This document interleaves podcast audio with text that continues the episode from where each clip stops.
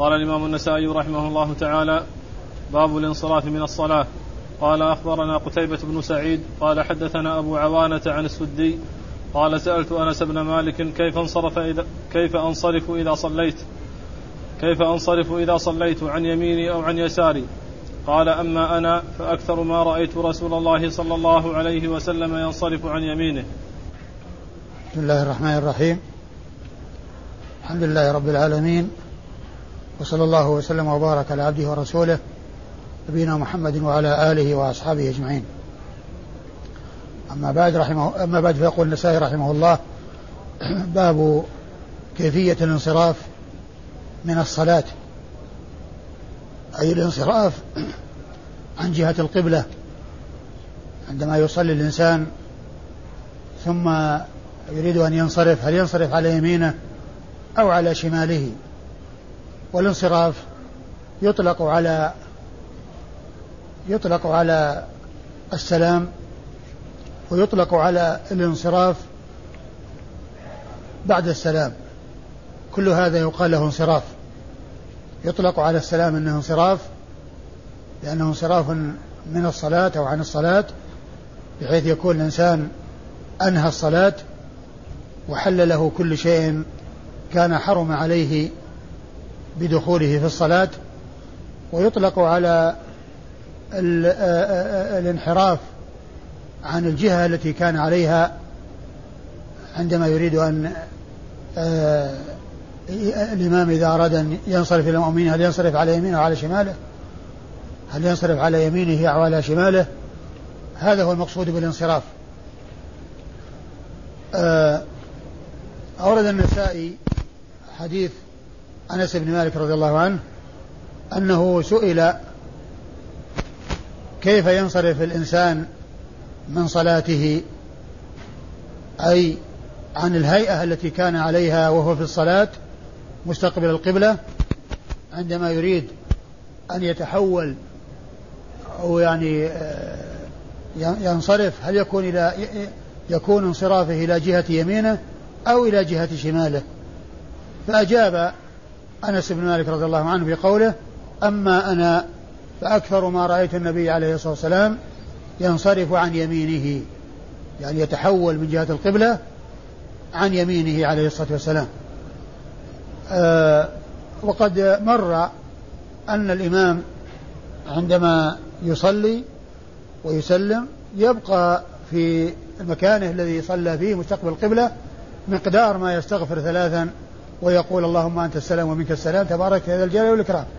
ولا يبقى إلى جهة القبلة أكثر من هذه هذه المدة التي هي مقدار ما يقول هذا الدعاء. وهذا هدي رسول الله عليه الصلاة والسلام. و آه، جاء في الحديث أن السدي سأل أنس بن مالك رضي الله عنه كيف ينصرف من صلاته؟ هل عن يمينه أو عن شماله؟ فأجاب أنس رضي الله عنه بما شاهده وعاينه من رسول الله عليه الصلاة والسلام. وهذا يدلنا على أمرين. الأمر الأول ما كان عليه سلف هذه الأمة من معرفة السنة و ما كيف يعمل الناس في صلواتهم وفي عباداتهم وأنهم يبحثون عن السنة التي جاءت عن رسول الله عليه الصلاة والسلام. ثم أيضا جواب أنس بن مالك رضي الله عنه وقد أجاب بالدليل أجاب بالدليل الذي هو آه، فعله عليه الصلاة والسلام. هذا يدلنا أيضا على أنهم كانوا يجيبون بالآثار ويجيبون بالسنن. يعني عندما يسأل الإنسان ما يقول انصرف على يمينك أو انصرف على شمالك فأحيانا يكون جوابهم بذكر الدليل. ومن المعلوم أنه إذا أتي بالدليل هذا هو هو هو الغاية وهذا هو المقصود. معناه أنك اتبع هذا الهدي وهذه السنة التي جاءت عن رسول الله عليه الصلاة والسلام. فكان من طريقة أصحابه الكرام رضي الله عنهم وأرضاهم أنهم إذا سئلوا عن حكم أجابوا بالدليل وكان جوابهم ذكر الدليل. ومن المعلوم أن هذا فيه الجواب والزيادة. يعني معناه كأنه قال انصرف أو انحرف عن يمينك لأنني أكثر ما رأيت الرسول صلى الله عليه وسلم ينحرف عن يمينه أو ينصرف إلى جهة يمينه عليه الصلاة والسلام. ثم إن قوله أكثر ما رأيت الرسول صلى الله عليه وسلم يدل على أنه في بعض الأحيان التي هي أقل كان ينصرف عن يساره. يعني معناه قوله أكثر ما كان ينصرف عن يمينه له منطوق وله مفهوم. منطوقه أنه ينصرف عن يمينه أكثر وينصرف عن يساره أقل. معنى فيه انصراف من جهة اليمين وانصراف من جهة اليسار. الحديث يدل على الأمرين. الحديث يدل على الأمرين الانصراف عن جهة اليمين والانصراف عن جهة اليسار إلا أن الأكثر الذي شاهده أنس بن مالك رضي الله عنه آه، آه، من فعل رسول الله عليه الصلاة والسلام أن الأكثر أنه كان ينصرف عن يمينه إلى جهة المأمومين صلوات الله وسلامه وبركاته عليه. وهذا يدلنا على جواز الأمرين على أن كل كلا الأمرين سائر سواء انصرف عن يمينه أو انصرف عن يساره. والرسول صلى الله عليه وسلم فعل هذا وهذا. وجاء في حديث أنس هذا أن الأكثر انصرافه إلى جهة اليمين. وفي الحديث الذي بعده عن عبد الله بن مسعود أن أكثر ما رأى رسول الله عليه الصلاة والسلام ينصرف ينصرف عن يساره. أكثر ما رآه ينصرف عن يساره. وكل منهما دال على الأمرين لكن يظهر التعارض بينهما من جهة الأكثرية. أنس يقول أن آه انصراف إلى جهة اليمين أكثر وعبد الله مسعود يقول انصراف إلى جهة اليسار أكثر والتوفيق بينهما أن كل منهما حكى ما شاهده وعاينه وأن الذي آه آه ظهر له أو الذي علمه مما شاهده وعاينه أن هذا رأى أن هذا أكثر وهذا رأى أن هذا أكثر. يعني على حسب مشاهدته ومعاينته. وقيل في الجمع بينهما وجوه أخرى يعني وأن بعضهم أراد يعني آه، آه، حالته الأولى والثاني أراد الحالة الثانية لكن القول الأول أو الجمع الأول آه، هو الأظهر لأن كل واحد منهما أخبر عن الذي شاهده وعن الذي علمه من فعله عليه الصلاة والسلام. وأن الرسول يفعل هذا أحيانا وهذا أحيانا وهذا ظهر له أن هذا أكثر وهذا ظهر له أن هذا أكثر. والأمر في ذلك واسع. الأمر في ذلك واسع. انصرف إلى جهة اليمين أو انصرف إلى جهة اليسار كل ذلك فعل رسول الله صلوات الله وسلامه وبركاته عليه. أما إسناد الحديث فيقول النسائي أخبرنا قتيبة بن سعيد. قتيبة بن سعيد هو ابن جميل ابن طريف البغلاني آه ثقة ثبت أخرج له أصحاب الكتب الستة. أخرج له أصحاب الكتب الستة. وقد ذكرت في درس مضى أنه من المعمرين. وقد بلغ تسعين سنة وكانت وفاته سنة 240 أي قبل وفاة الإمام أحمد بسنة واحدة وولادته سنة خمسين مئة وخمسين. في السنة التي مات فيها أبو حنيفة وولد فيها الإمام الشافعي مئة وخمسين فعمره تسعون سنة. ولهذا أدرك من لم يدركه غيره لطول حياته رحمة الله عليه يروي عن عن أبي عوانة. أبو عوانة هذه كنية اشتهر بها الوضاح ابن عبد الله اليشكري الواسطي. اسمه الوضاح بن عبد الله اليشكري الواسطي. واشتهر بكنيته. اشتهر بكنيته أبو عوانة. وكثيرا ما يأتي ذكره بالكنية. ويقل أو يندر أنه يأتي ذكره بالاسم وإنما الكثير مجيئه بالكنية أبو عوانة وهو ثقة ثبت أخرج له أصحاب الكتب الستة. ثقة ثبت أخرج له أصحاب الكتب الستة. وفيه آه، آه، وأبو عوانة من طبقة شيوخ شيوخ النسائي وكذلك من طبقة شيوخ شيوخ البخاري. و وفيه أبو عوانة متأخر وهو صاحب المستخرج على صحيح مسلم كصحيح أبي عوانة أو مستخرج أبي عوانة أو مستند أبي عوانة. له ثلاث أسماء. يقال له صحيح لأنه مستخرج على الصحيح. ويقال له مستخرج لأنه مبني على صحيح مسلم والمستخرج هو أن يروي أحاديث الكتاب بأسانيد لا يمر بها على صاحب الكتاب وإنما يلتقي مع مع صاحب الكتاب بشيخه أو شيخ شيخه. يعني معناه أنه لا يمر على مسلم في المستخرج عندما يأتي بالأسانيد وإنما يلتقي مع مسلم بشيخه أو شيخ شيخه أو من فوق ذلك. وأحيانا إذا ضاق المخرج على المستخرج لجأ إلى روايته عن صاحب الكتاب.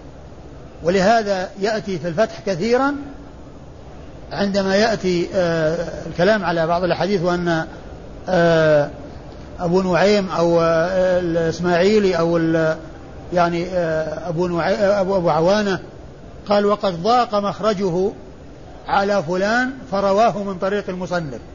وقد ضاق يعني ما وجد سبيل إلى أنه يرتفع عن عن المصنف وأنه يلتقي به من فوق فلم يجد بدا من أن يرويه أن يرويه عن طريق المصنف المؤلف لأن المستخرج مبني على كتاب.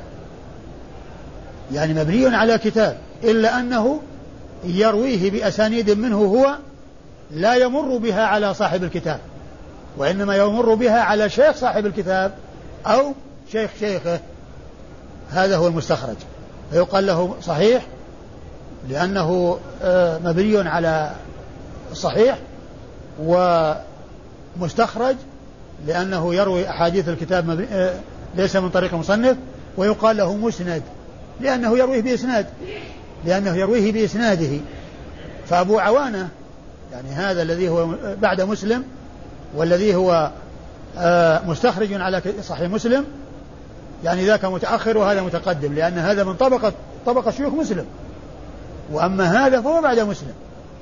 يعني يروي أحاديث صحيح أحاديث صحيح مسلم من غير طريقه وقد يلجأ إلى الرواية من طريقه. آه عن السدي والسدي هو إسماعيل بن عبد الرحمن السدي الكوفي وهو صدوق يهم. وقد أخرج حديثه مسلم. مسلم وأصحاب السنة. الأربعة. وهذا يقال له السدي الكبير. وهناك شخص آخر يقال له السدي الصغير. وهو محمد بن مروان صاحب التفسير المعروف الت... الذي يأتي ذكره في التفسير كثيرا. وذاك ضعيف متهم بالكذب. وأما هذا صدوق يهم. ف والسدي الكبير آآ آآ خرج له مسلم والأربعة وأما السدي الصغير فليس له رواية في الكتب الستة. وأما السدي الصغير فليس له رواية في الكتب الستة ولكنه يذكر في رجال أصحاب الكتب الستة ويكتب أمامه تمييز. يعني ذكر للتمييز وإلا ليس له رواية. يعني بعدما بدل الرموز يكتب تمييز. يعني معناه أنه ذكر تمييزا حتى لا يعني يلتبس بمن يسمى محمد بن مروان. لأن محمد بن مروان يأتي عدة فيذكرهم ويذكر من له رواية بالرموز ومن ليس له رواية يذكر بدل الرموز تمييز. يعني ليس له رواية في الكتب ولكنه ذكر للتمييز عن غيره. ذكر للتمييز عن غيره ويعرف أنه ليس له ويعرف بهذا أنه ليس له رواية. يعرف بهذا أنه ليس له رواية. آه بالمناسبة آه أقول الآن في درس مضى أو درسين ماضيين جاء عطاء بن السائب الثقفي الكوفي وكان بعض النسخ التي ترمز رمزوا له بالبخاري في الأدب المفرد وبعضها رمزت له في البخاري في الصحيح مع أصحاب السنن الأربعة. مع أصحاب السنن الأربعة. وقلت فيما مضى أن هذه الرموز أحيانا تلتبس ويذكر شيء مكان شيء ويظهر فيها الغلط. لكن الفيصل في هذا قلت الرجوع إلى تهذيب الكمال للمزي. وقلت إن المزي رحمة الله عليه في تهذيب الكمال عندما يختم الترجمة ترجمة الشخص الذي يذكر ترجمته يختمها بأن يذكر من خرج له بالأسماء ما هو بالرموز. ففي آخر ترجمة عطاء بن السائب قال أخرج له البخاري حديثا واحدا متابعة وروى له الباقون سوى مسلم. وروى له الباقون سوى مسلم. معناها أخرج له البخاري في الصحيح ولكن متابعة ومقرونا بغيره وأخرج له أصحاب السنة الأربعة ولم يخرج له مسلم. يعني ذكر هذا بالكلام بالحروف وليس بالرموز يعني بالأسماء. قال أخرج له البخاري حديثا واحدا متابعة وأخرج له الباقون سوى مسلم. فالإنسان إذا أراد أن يعرف من خرج ينظر آخر الترجمة. نهاية الترجمة. نهاية كل ترجمة يذكر هذه العبارة التي فيها خرج له الجماعة خرج له الترمذي خرج له مسلم خرج له أصحاب الكتب إلا كذا إلى آخره. بالحروف وليس بالرموز. فهذا هو الفيصل. آآ وعلى هذا فالرمز الصحيح خاء وليس الباء والخاء. و الجماعة الذين ذكروا في الصحيحين وفيهم كلام أو تكلم فيهم بشيء الحافظ بن حجر رحمه الله في مقدمة فتح الباري عمل لهم تراجم. الذين تكلم فيهم من رجال البخاري ترجم لهم في مقدمة الفتح على حروف الهجاء. يعني مرتبين على حروف الهجاء. الألف ثم الباء إلى آخره. ثم يذكر يعني ما قيل في الشخص ويجيب عن إخراج البخاري عنه بالجواب الذي يعني عنده فيه ولما جاء عند عطاء بن السائب قال إنه مختلط صدوق اختلط وما روي عنه قديما هذا صحيح وما روي عنه بعد الاختلاط هذا غير معول عليه. وذكر الذي تحصل له من الذين سمعوا منه قبل الاختلاط ومنهم محمد بن زيد وسفيان الثوري وجماعة آه،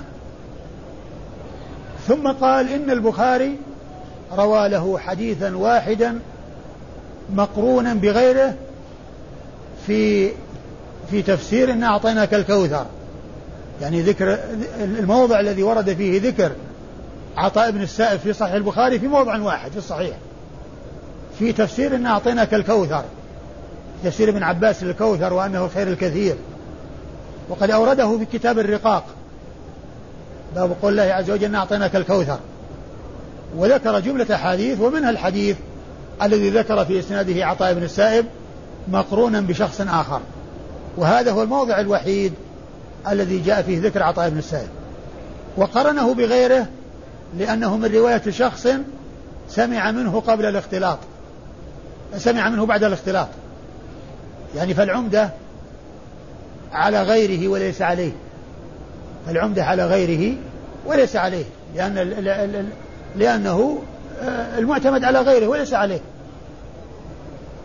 ف يعني آه، فأنا أنبه كما قلت على أنها إذا التبست الرموز بين التقريب والتهذيب التقريب وتهذيب التهذيب و أو غيرها من من النسخ الأخرى مثل خلاصة التذهيب أو غيرها فالإنسان يرجع إلى نهاية الترجمة في تهذيب الكمال للمزي الذي يذكر الأسماء بدون رموز.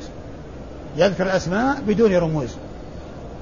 وإذا كان الشخص متكلم فيه وهو من رجال البخاري يمكن الإنسان يرجع إلى مقدمة فتح الباري ويعرف اعتذار الحافظ بن حجر عن البخاري في إخراجه للشخص المتكلم فيه. إخراجه للشخص المتكلم فيه.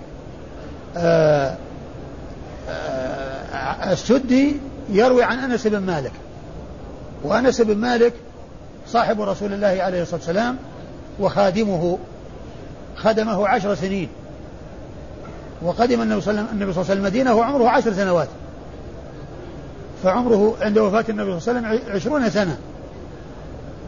منذ قدم النبي صلى الله عليه وسلم المدينة وهو يخدمه. فخدمته إياه عشر سنوات.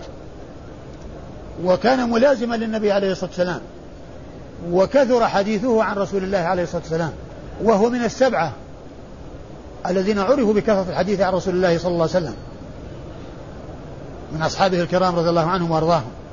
والذين ذكرتهم مرارا وتكرارا في دروس مضت وهم أبو هريرة وابن عمر وابن عباس وأبو سعيد الخدري وجابر بن عبد الله الأنصاري وأنس بن مالك وأم المؤمنين عائشة رضي الله تعالى عن الجميع. فهؤلاء السبعة عرفوا بكثرة الحديث عن رسول الله صلى الله عليه وسلم. وأنس بن مالك عمر وكان من المعمرين من أصحاب رسول الله عليه الصلاة والسلام. ولهذا أدركه وأخذ عنه من لم يدرك الكثير من الصحابة. لأن أنس, أنس من, من صغار الصحابة وعمر فأدركه صغار التابعين. أدركه ولقيه صغار التابعين. فكثر حديث كثر الآخذون عنه وكثر الرواة عنه رضي الله تعالى عنه وأرضاه. وهذا الإسناد رجاله أربعة أربعة أشخاص آه، قتيبة وأبو عوانة والسدي وأنس.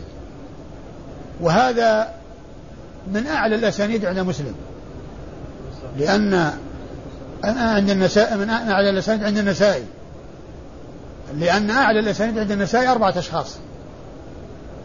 وأنزلها عشرة أشخاص. أنزلها عشرة أشخاص. مر بنا حديث في فضل قول هو الله أحد آه، يرويه النسائي بإسناده وبين النسائي وبين رسول الله صلى الله عليه وسلم عشرة أشخاص. وقد قال النسائي عقبة وهذا أطول إسناد. وهذا أطول إسناد علمته. يعني معناه أن أعلى أطول الأسانيد عند النسائي عشرة. بين الرسول بين النسائي والرسول صلى الله عليه وسلم عشرة والأسانيد العالية بين الرسول صلى الله عليه وسلم وبين النسائي وبين الرسول صلى الله عليه وسلم أربعة أشخاص. ومر بنا قبله بحديث آخر من رواية قتيبة يعني قبله بحديث أيضا مثله رباعي في درس أمس في درس الدرس الماضي. هو رباعي أيضا مثل هذا الذي فيه فيه قتيبة عن أبي الأحوص عن عن سماك عن عن جابر بن سمرة أربعة أشخاص. يعني هذان الإسنادان من الأسانيد العالية عند النسائي عند النسائي وهي أعلى ما عنده. وأصحاب الكتب الستة آه، ينقسمون إلى قسمين. قسم أعلى ما عندهم الثلاثيات وقسم أعلى ما عندهم الرباعيات. فالبخاري والترمذي وابن ماجه هؤلاء عندهم ثلاثيات. وأما مسلم وأبو داود والنسائي فليس عندهم ثلاثيات وإنما عندهم الرباعيات. فالبخاري عنده 22 حديثا رباعية آه، ثلاثية. 22 حديثا ثلاثيا. يعني بين البخاري وبين رسول الله صلى الله عليه وسلم ثلاثة أشخاص صحابي وتابع وتابع تابعي 22 حديثا في الصحيح كله. وهي أعلى ما يكون عند البخاري. وأنزل ما يكون عنده تسعة أشخاص. أنزل ما يكون عند البخاري تسعة أشخاص. وهذا في حديث آه ويل للعرب من شر قد اقترب. فإن فإن رجال إسناده تسعة تسعة أشخاص بين البخاري وبين رسول الله. يعني معناه ثلاثة وبعدها ثلاثة وبعد وبعدها ثلاثة. يعني آه، مثل الإسناد أنزل إسناد يعتبر رجاله ضعفي آه، الإسناد العالي عنده. والترمذي عنده حديث واحد ثلاثي فقط. وابن ماجه عنده خمسة حديث كلها بإسناد واحد وهو إسناد ضعيف.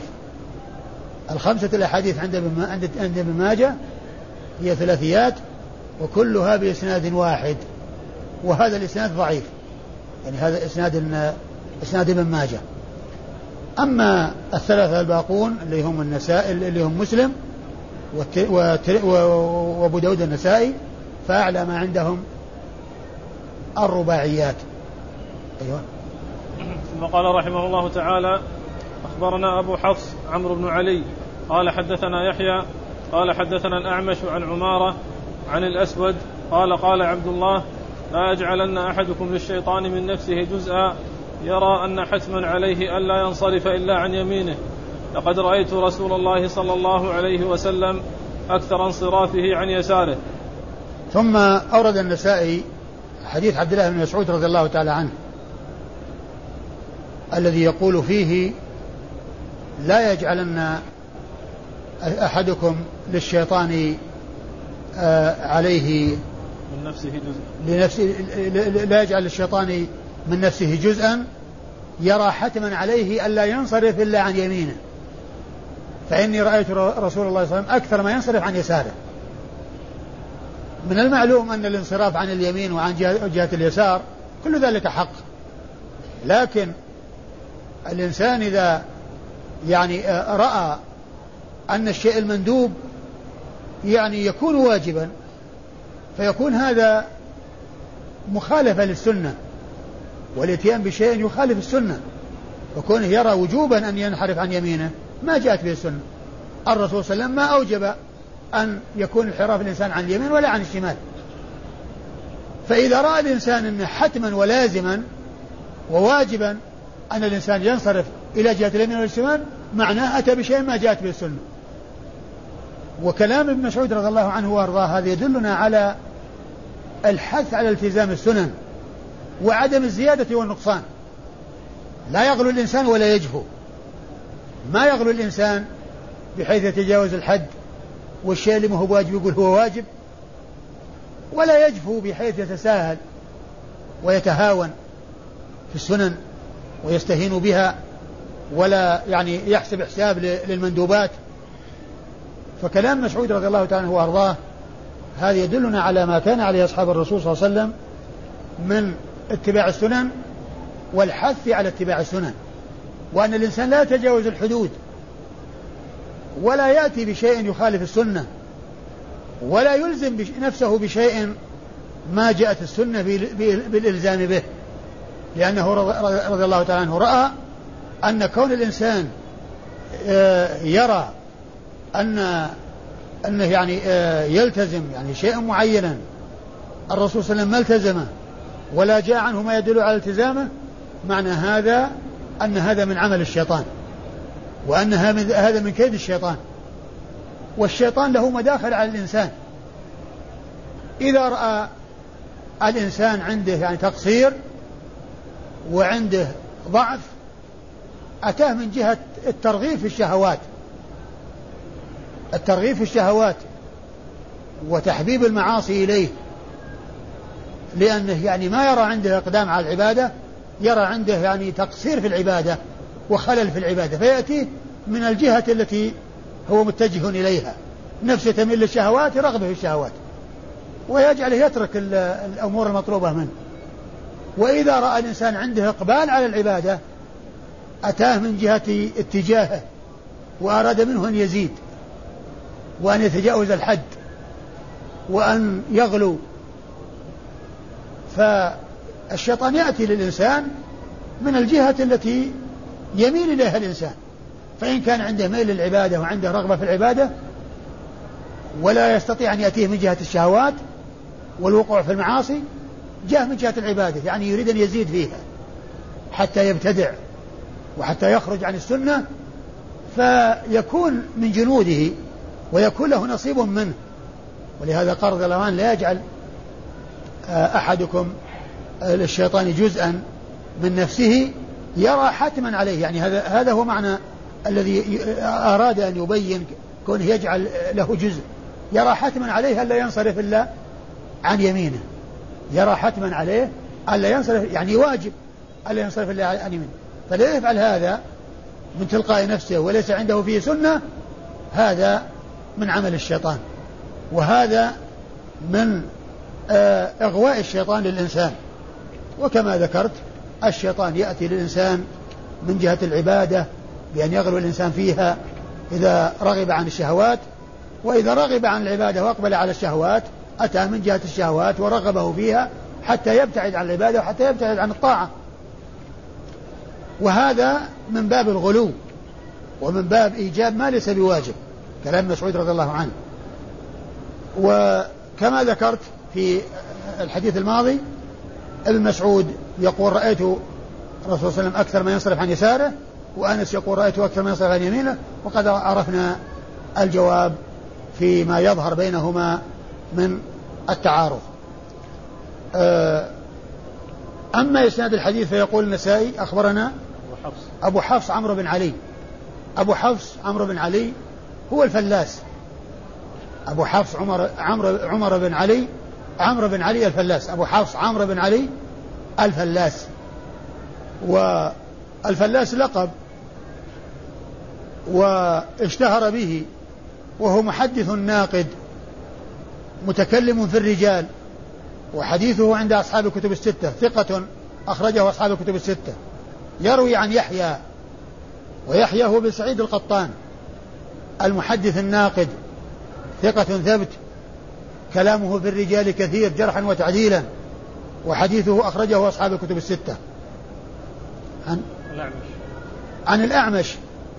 والأعمش لقب صاحبه سليمان بن مهران الكاهلي الكوفي. اسمه سليمان بن مهران الكاهلي الكوفي. وهو ثقة يدلس. وحديثه أخرجه أصحاب الكتب الستة. ومعرفة الألقاب نوع من أنواع علوم الحديث. فائدته ألا يظن الشخص الواحد شخصين. لأن الإنسان الذي ما يعرف أن الأعمش لقب وصاحب اللقب اسمه سليمان بن مهران لو رأى سليمان بن مهران في موضع ثم رأى الأعمش في موضع آخر ظن أن الأعمش شخص آخر غير سليمان بن مهران. لكن من عرف أن أن سليمان بن مهران شخص محدث لقبه الأعمش لا يلتبس عليه كونه يأتي الأعمش أحيانا أو يأتي سليمان بن مهران أحيانا أو سليمان بدون بدون نسب أحيانا لا يلتبس عليه الأمر. يعرف أنه أنه شخص واحد سواء ذكر باسمه أو بلقبه. يروي عن مكحول عن؟ عمارة. عن عمارة بن عمير. يروي عن عمارة بن عمير التيمي الكوفي وهو ثقة ثبت أخرج له أصحاب الكتب الستة. عن الأسود. عن الأسود بن يزيد بن قيس النخعي.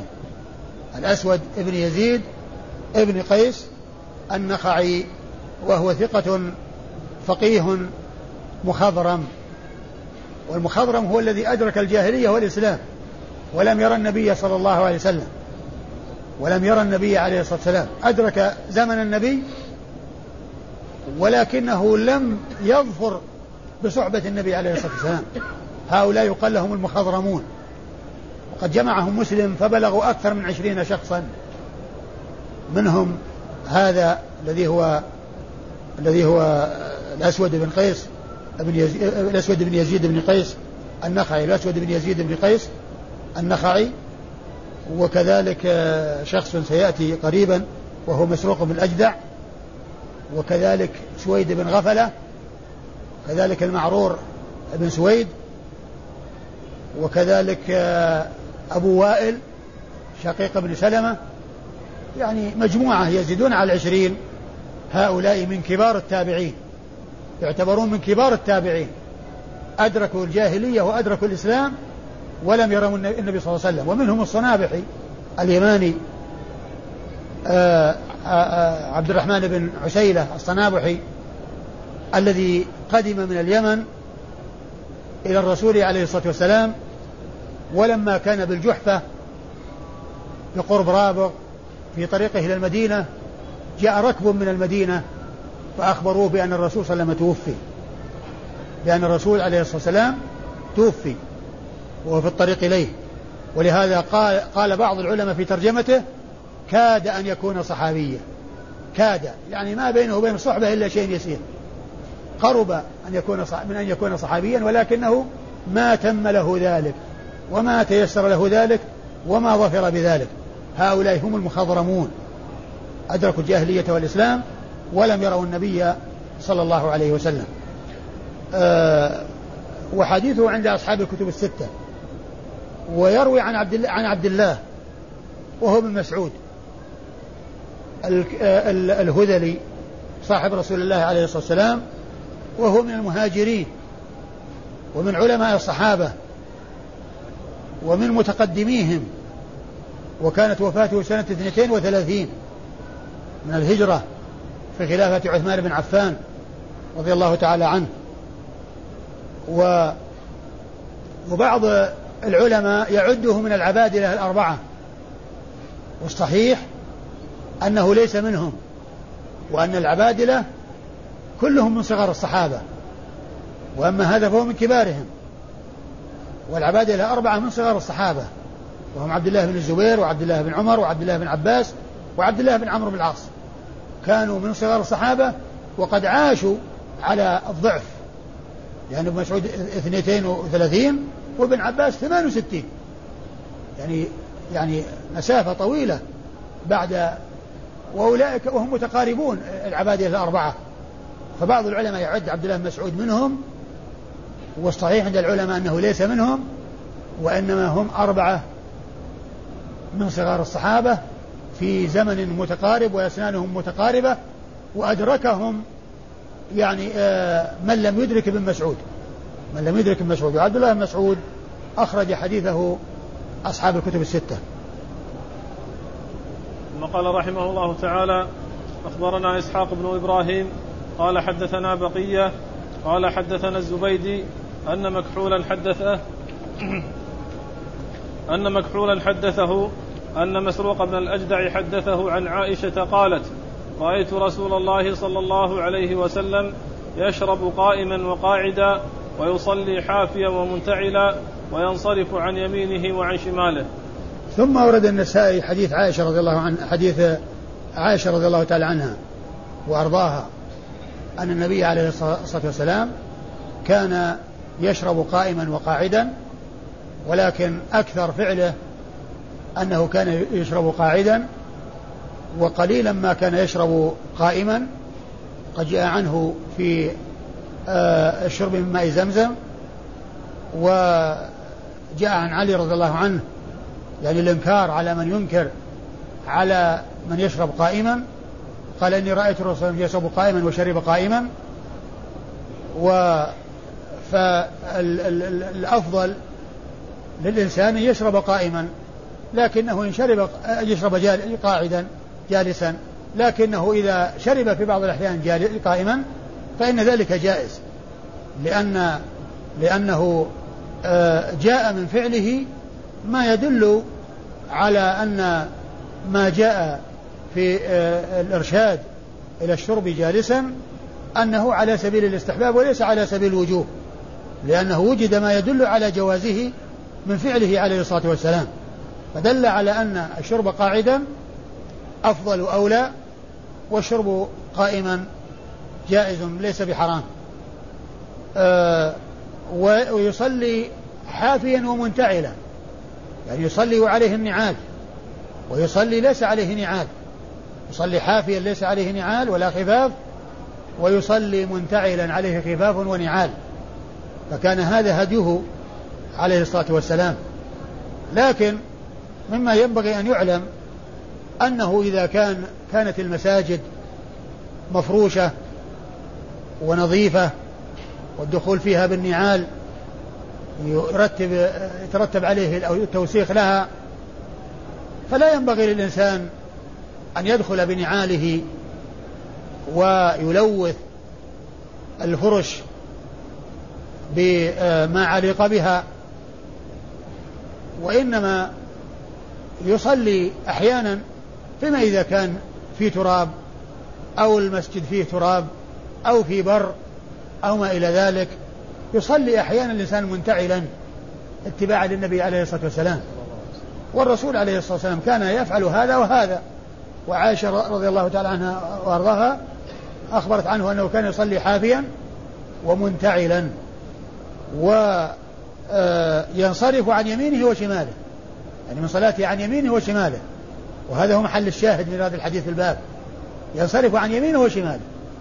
كان ينصرف عن يمينه كل ذلك سائر فحديث عائشة يدل على جواز هذا وهذا والحديثان الماضيان يدل على جواز الأمرين إلا أن حديث أنس يقول أن انصرافه عن اليمين أكثر وحديث ابن مسعود يقول انصرافه عن اليسار أكثر.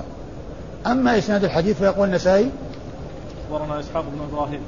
أخبرنا إسحاق بن إبراهيم هو ابن مخلد المشهور بابن راهوية الحنظلي وهو ثقة ثبت مجتهد محدث فقيه وصف بأنه أمير المؤمنين في الحديث وهي من الأوصاف العالية والألقاب الرفيعة وهي من أعلى صيغ التعديل وأرفعها. وحديثه أخرجه أصحاب الكتب الستة إلا ابن ماجه. أصحاب الكتب الستة إلا ابن ماجه فإنه لم يخرج له شيئا. وراهوية قلت في درس مضى قريبا أن المحدثين يعبرون عنها براهوية واللغويين يعبرون عنها براهويه راهويه. فالمحدثون يأتون بالتعبير بها راهوية بسكون بضم بسكون الواو وضم ما قبلها وفتح الياء التي بعد الواو والهاء ساكنة. وأما اللغويون فيجعلونها مختومة بويه مختومة بويه الواو مفتوحة والياء ساكنة والهاء بعدها ساكنة. آه عن؟ بقية. عن بقية هو ابن الوليد. بقية. ابن الوليد الدمشقي وهو صدوق يدلس آه، آه، كثير التدليس عن الضعفاء. وحديثه أخرجه البخاري تعليقا ومسلم وأصحاب السنن الأربعة. الزبيدي.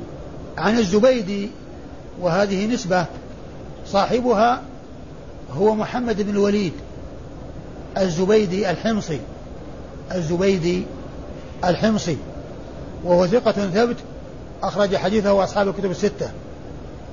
إلا الترمذي شيء إلا الترمذي ولا معه إيش؟ إلا الترمذي. الترمذي معهم. اللي هو الزبيدي نعم. يعني عندك إنه إلا الترمذي؟ عندي إلا الترمذي. ها؟ عندي إلا الترمذي. نعم ما أدري إذا كان إن أنا ما نظرت آه تهذيب الكمال. لكن آه في بعض نسخ التقريب ما أدري آه المصرية يعني هي ما أحد منكم؟ كان في بالي أن المصرية فيها أصحاب الكتب الستة. على كل يتحقق من هذا. عن مكحول. ها؟ عن مكحول. عن مكحول الشامي. عن مكحول الشامي. وهو ثقة أخرج حديثه مسلم وأصحاب السنة الأربعة.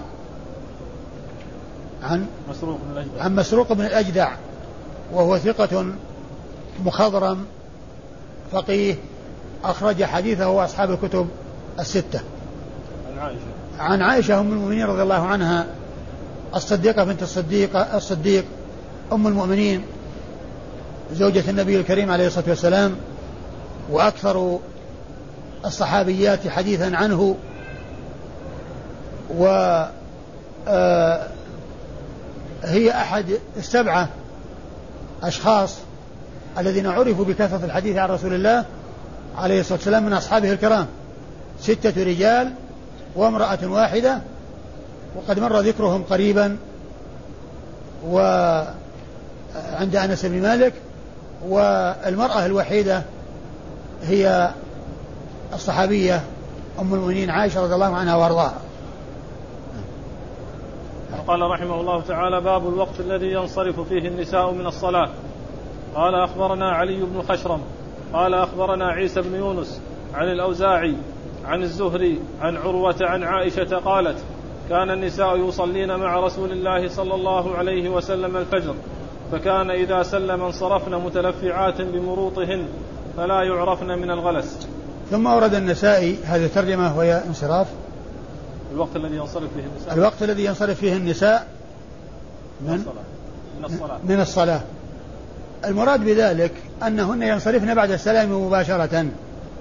النساء تنصرف والرجال يبقون. ثم بعد ذلك ينصرف الرجال بعدهن. ينصرف الرجال بعدهن. وقد أورد النسائي حديث آه عائشة. رضي الله عنها وأرضاها أن النساء كن يصلين مع عليه وسلم الصبح ثم ينصرف فإذا سلم ينصرفن إذا سلم متلفعات بمروطهن ما يعرفهن أحد من الغلس. يعني معناه أنهن آه، آآ آه، الرسول عليه يصلي بغلس ويخرج من الصلاة والغلس اللي هو الظلام يعني موجود ثم تنصرف النساء مباشرة بعد السلام ما يعرفهن أحد من الغلس متلفعات بمروطهن. و فهذا هو مقصود النسائي من الترجمة وأن الوقت أنه بعد السلام مباشرة. وأما إسناد الحديث فيقول النسائي علي بن خشرم. أخبرنا علي بن خشرم المروزي وهو ثقة أخرج له مسلم والترمذي والنسائي. وعلي بن خشرم ذكر في ترجمته عنه أنه قال صمت ثمانية وثمانين رمضانا يعني معناه أنه بلغ آه يعني وصام ثمانية وثمانين رمضان. يعني معناه أنه قبل آه وقد يكون ليس بلازم أن يكون بلغ يعني يصوم آه، قبل البلوغ. لكنه معناه أنه ثمانية وثمانين هذه صيام يعني معناه أنه آه قبل أن يصوم والفترة التي لم يصومها تضاف إلى عمره فيكون من المعمرين. يقول صمت ثمانية وثمانين رمضانا يعني معناه ثمانية وثمانين سنة وهو يصوم شهر رمضان. هو من المعمرين. هذا يدل على أنه من المعمرين. علي بن خشرم أيوة. قال أخبرنا عيسى بن يونس. قال أخبرنا عيسى بن يونس وهو من أبي إسحاق السبيعي. يعني جده أبو إسحاق. جده أبو إسحاق السبيعي الكوفي الهمداني. و و وهو ثقة مأمون أخرج حديثه أصحاب الكتب الستة. عن الأوزاعي. عن الأوزاعي والأوزاعي اشتهر بهذه النسبة وهو عبد الرحمن بن عمرو الأوزاعي الدمشقي وكنيته أبو عمرو فكنيته توافق اسم أبيه أبو عمرو ابن أبي عمرو. أبو عمرو عبد الرحمن بن أبي عمرو. وقد مر في دروس مضت أن من أنواع علوم الحديث معرفة من وافقت كليته اسم أبيه. وما وفائدة معرفة هذا النوع أن لا يظن التصحيف. بأن يكون الإنسان ما يعرفه إلا بالنسب ثم يجد في بعض الأحيان أخبرنا عبد الرحمن أبو عمرو الأوزاعي. فيظن أن أبوه صحفت عن ابن. لكن من يعرف أن كنيته أبو عمرو واسم أبيه عمرو يعلم أنه لا تصحيف فسواء قيل عبد الرحمن بن عمرو أو قيل عبد الرحمن أبو عمرو كله صواب ولا تصحيف في ذلك. فهذه فائدة معرفة هذا النوع من أنواع علوم الحديث. وأبو عبد, أبو عبد الرحمن بن عمرو الأوزاعي ثقة آه، فقيه آه، آه، هو محدث الشام وفقيهها وحديثه أخرجه أصحاب الكتب الستة. يروي عن عن الزهري. والزهري آه هو محمد بن مسلم ابن عبيد الله ابن عبد الله ابن شهاب ابن عبد الله ابن الحارث ابن زهرة ابن كلاب. يلتقي نسبه مع نسب النبي صلى الله عليه وسلم بزهرة بن كلاب أخو قصي بن كلاب. زهرة بن كلاب أخو قصي بن كلاب. الرسول صلى الله عليه وسلم من أبناء قصي بن كلاب والزهري من أولاد زهرة بن كلاب. وينسب إلى جده زهرة جده البعيد فيقال الزهري الزهري. وأيضا ينسب إلى جده شهاب فيقال ابن شهاب. أكثر ما يأتي بأن يقال الزهري أو يقال ابن شهاب. يعني منسوبا إلى جده زهرة الذي هو آه، أخو قصي أو منسوبا إلى جده الذي هو جد آه، جد جده لأنه محمد بن مسلم آه، محمد بن مسلم ابن عبيد الله ابن عبد الله ابن شهاب. فشهاب جد جد عبيد الله. الذي هو جده الأول. محمد بن مسلم بن عبيد الله بن عبد الله ابن شهاب. هو منسوب إلى جد جده. منسوب إلى جد جده شهاب.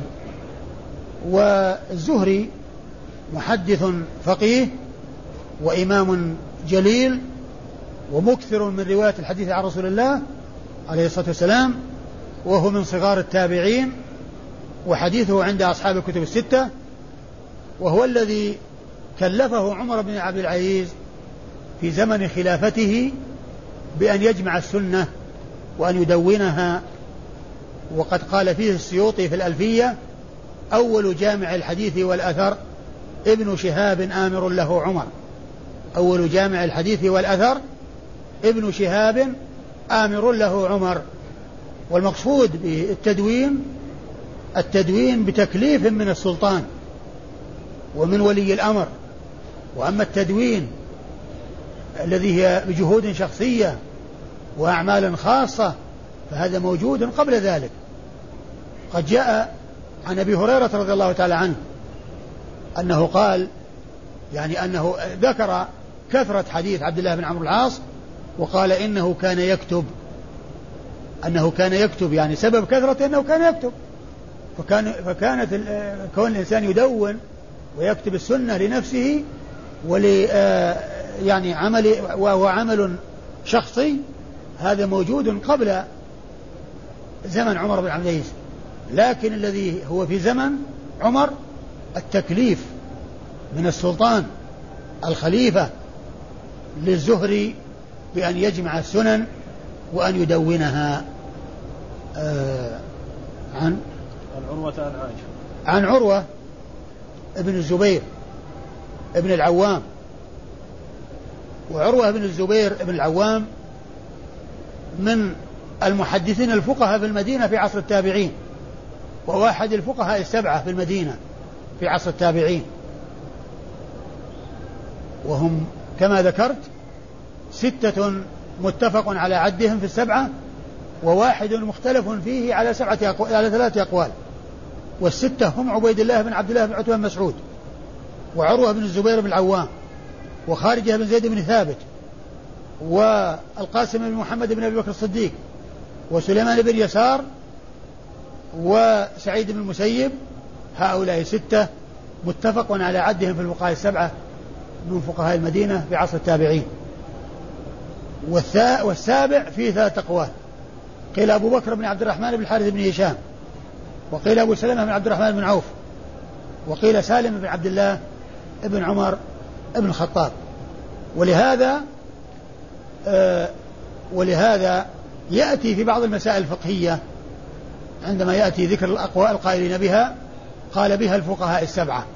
وقال بها الفقهاء السبعة. من هم الفقهاء السبعة؟ هم هؤلاء. يعني الذي يأتي ذكرهم بهذا اللقب الفقهاء السبعة. وفي مدرسة يقال لها مدرسة الفقهاء السبعة في المدينة الآن. يعني مسمات أو مضافة إلى إلى الفقهاء السبعة لأنهم كانوا في المدينة وفي عصر التابعين. آآ آآ رحمة الله عليهم. عن عائشة رضي الله تعالى عنها وأرضاها عن عائشة رضي الله تعالى عنها وأرضاها يروي هو عن خالته عائشة لأن لأن عروة بن الزبير أمه أسماء بنت أبي بكر. أمه أسمى بنت أبي بكر رضي الله تعالى آآ آآ رضي الله عنها وهو يروي عن خالته أخت أمه. يعني عروة بن الزبير يروي عن خالته عائشة أم المؤمنين رضي الله تعالى عنها وأرضاها وقد مر ذكرها قريبا. والله تعالى أعلم وصلى الله وسلم وبارك على عبده ورسوله نبينا محمد وعلى آله وأصحابه أجمعين.